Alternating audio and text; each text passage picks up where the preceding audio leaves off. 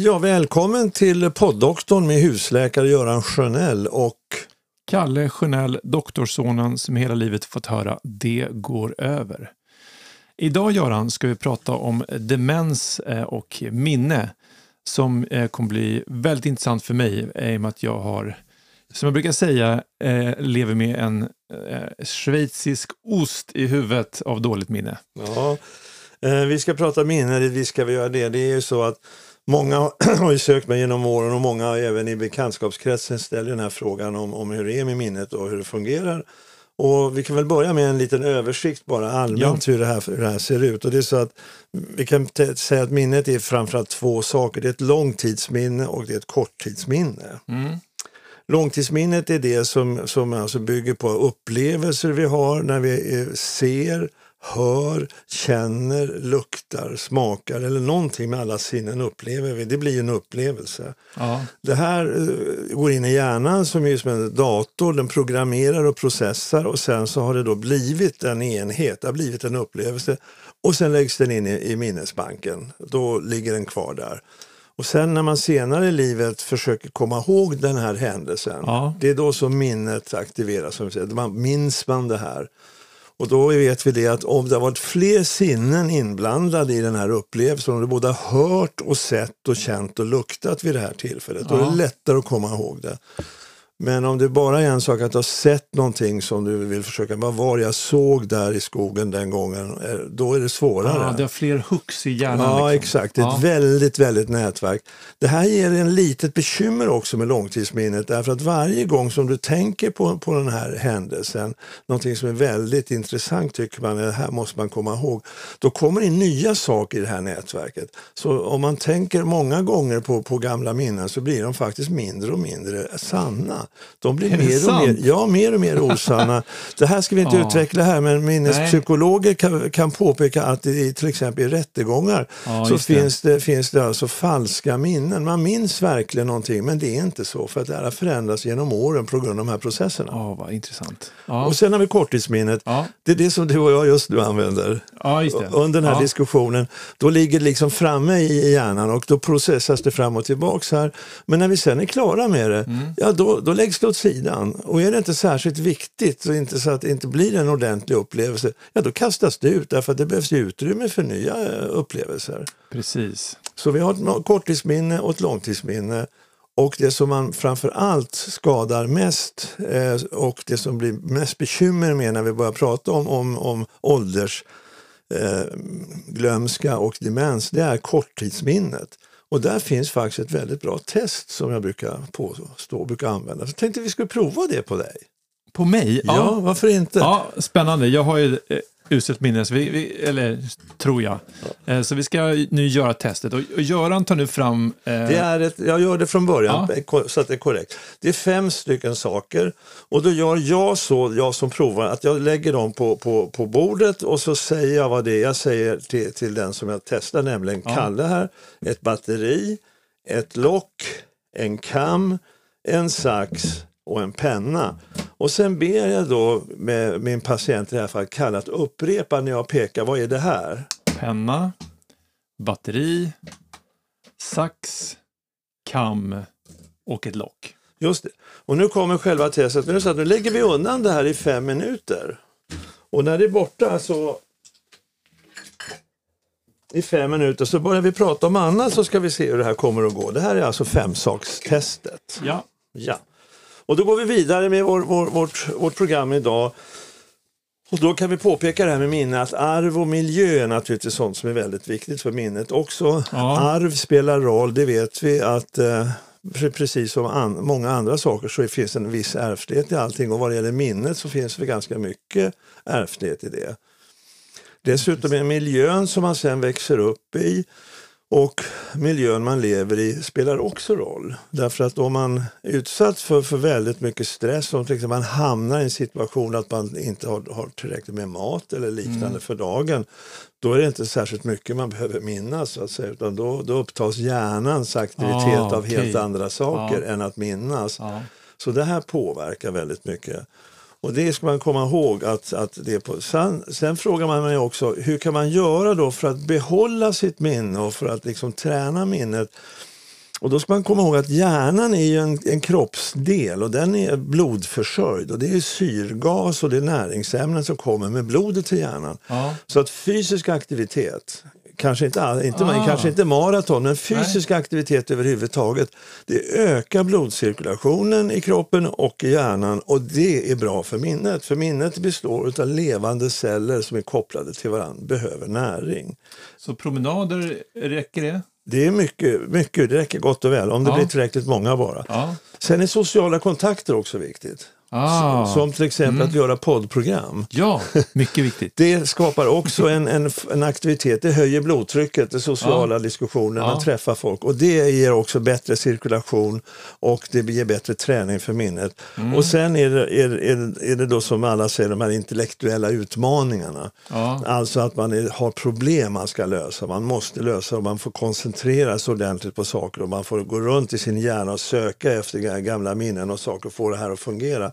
Så att det och sen, sen naturligtvis typ korsord och sådana här saker som, som, Ah, som okej. är bra. För Damma då- av lite runt, Ja, omkring dammar, hjärnbarken. just det, man ja. dammar av lite där inne, det kan man säga.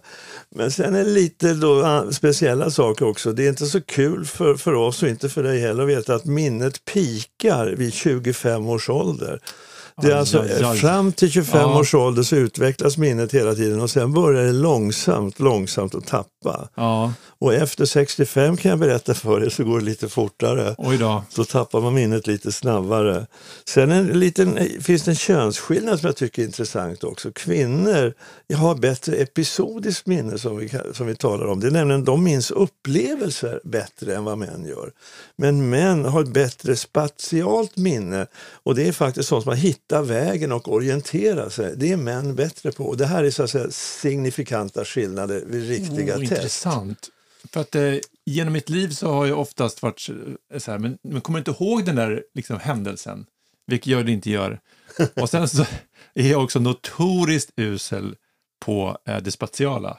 Det också. Ja, Ja. hitta vägen, det, det, det, det försvann där någonstans Ja. vid 35. För Ja, det är du att du ofta hade åkt med mig och jag hittar vägen så bra så att du har inte behövt tänka på det. Nej, och sen tror jag kanske det här med, info, alltså med att man går runt med en karta i, i mobilen. Ja. Det, det är säk- säkert inte speciellt bra Nej, för, nej. för det spatiala minnet. det, det var bara det att det här är stora undersökningar. Det, det, kan vara lite kul att, att veta. Det, är ändå väldigt intressant. Ja.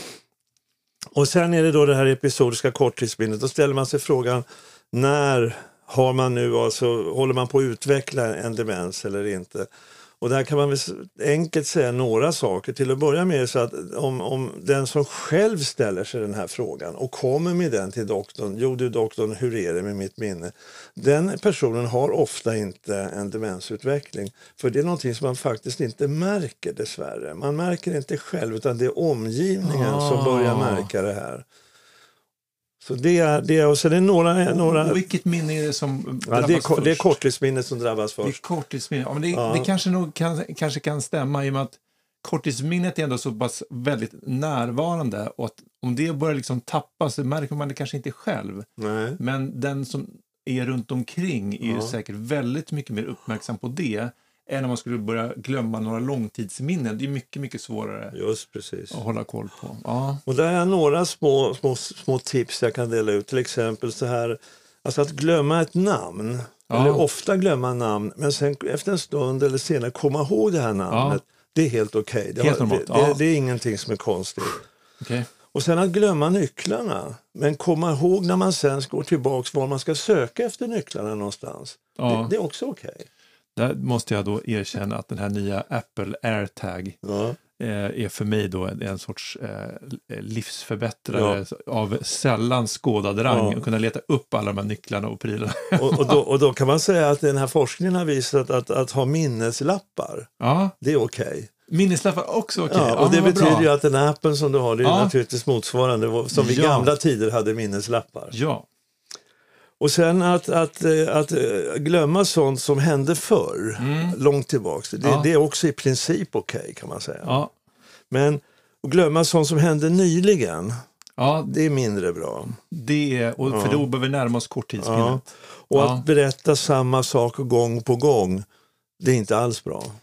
Det är inte bra. Nej. Och det har, har jag råkat ut för några gånger. Mm. Men oftast är det att jag, jag tänker att jag, man vill berätta den där historien Mm. och så vet man, vänta nu, nej, de här runt omkring mig har nog faktiskt hört den. Så det är också så att tilltagande ålder ger ju alltså sämre minne. Så Ja. att man, ska, man ska ha respekt för det. Man ska inte Det är, tro... na- det är naturligt. Ja, jag, ska, Ja. jag ska inte tro att jag har lika bra minne nu som för 25 år sedan. Nej, Det, är bara nej. att in, inse det, att nej, så, så är det. Ja. Eh, sen är också tillfälliga situationer som kan ge påverka minnet. Alltså stress, Ja. depressioner, nedstämdhet, dålig sömn, olika medicini, mediciner och sådana här saker.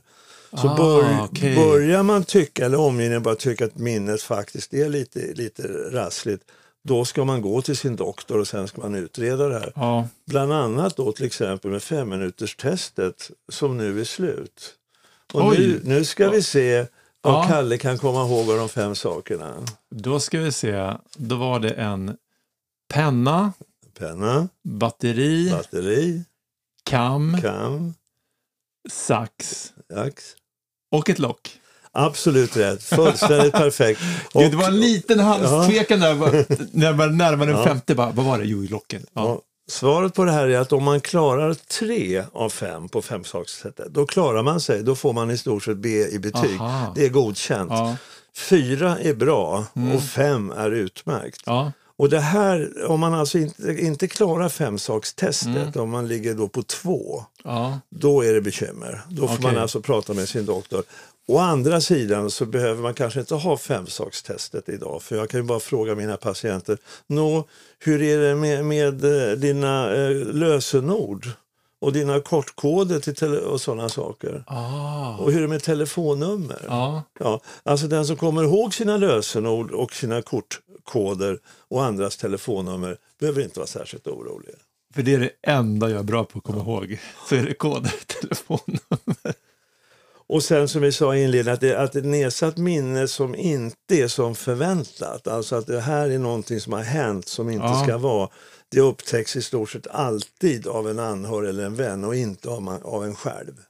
Och vad, vad ska man då tänka på som anhörig om man börjar bli orolig? Ska man göra Ja, det man, nej, jag tycker man ska gå till sin doktor. Man ska gå till sin doktor Ja, då? man ska definitivt gå till sin doktor, för om man är orolig som anhörig, då har man skapat en situation i sin relation, Ja. att det finns en oro där och den Ja. ska vi ta bort.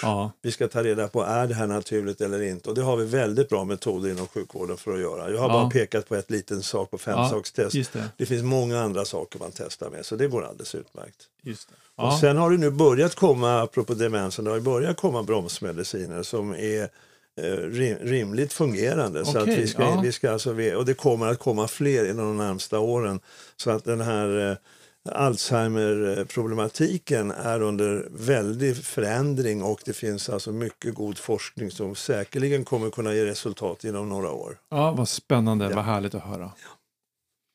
Men vad bra. Ja, grattis till Ja, testet. ja, jag är, är, är nöjd över att jag klarade av det där. Jag var lite nervös där. Att det skulle gå, men det gick ju bra. Okej, ja, men tack Göran. Det var väldigt lärorikt måste jag säga. Och eh, väldigt intressant att höra det att man som anhörig ska liksom vara lite uppmärksam på och, se, eh, och, Ja. och att då gå till doktorn om man känner sig osäker. Just så. Tack Göran. Tack för idag.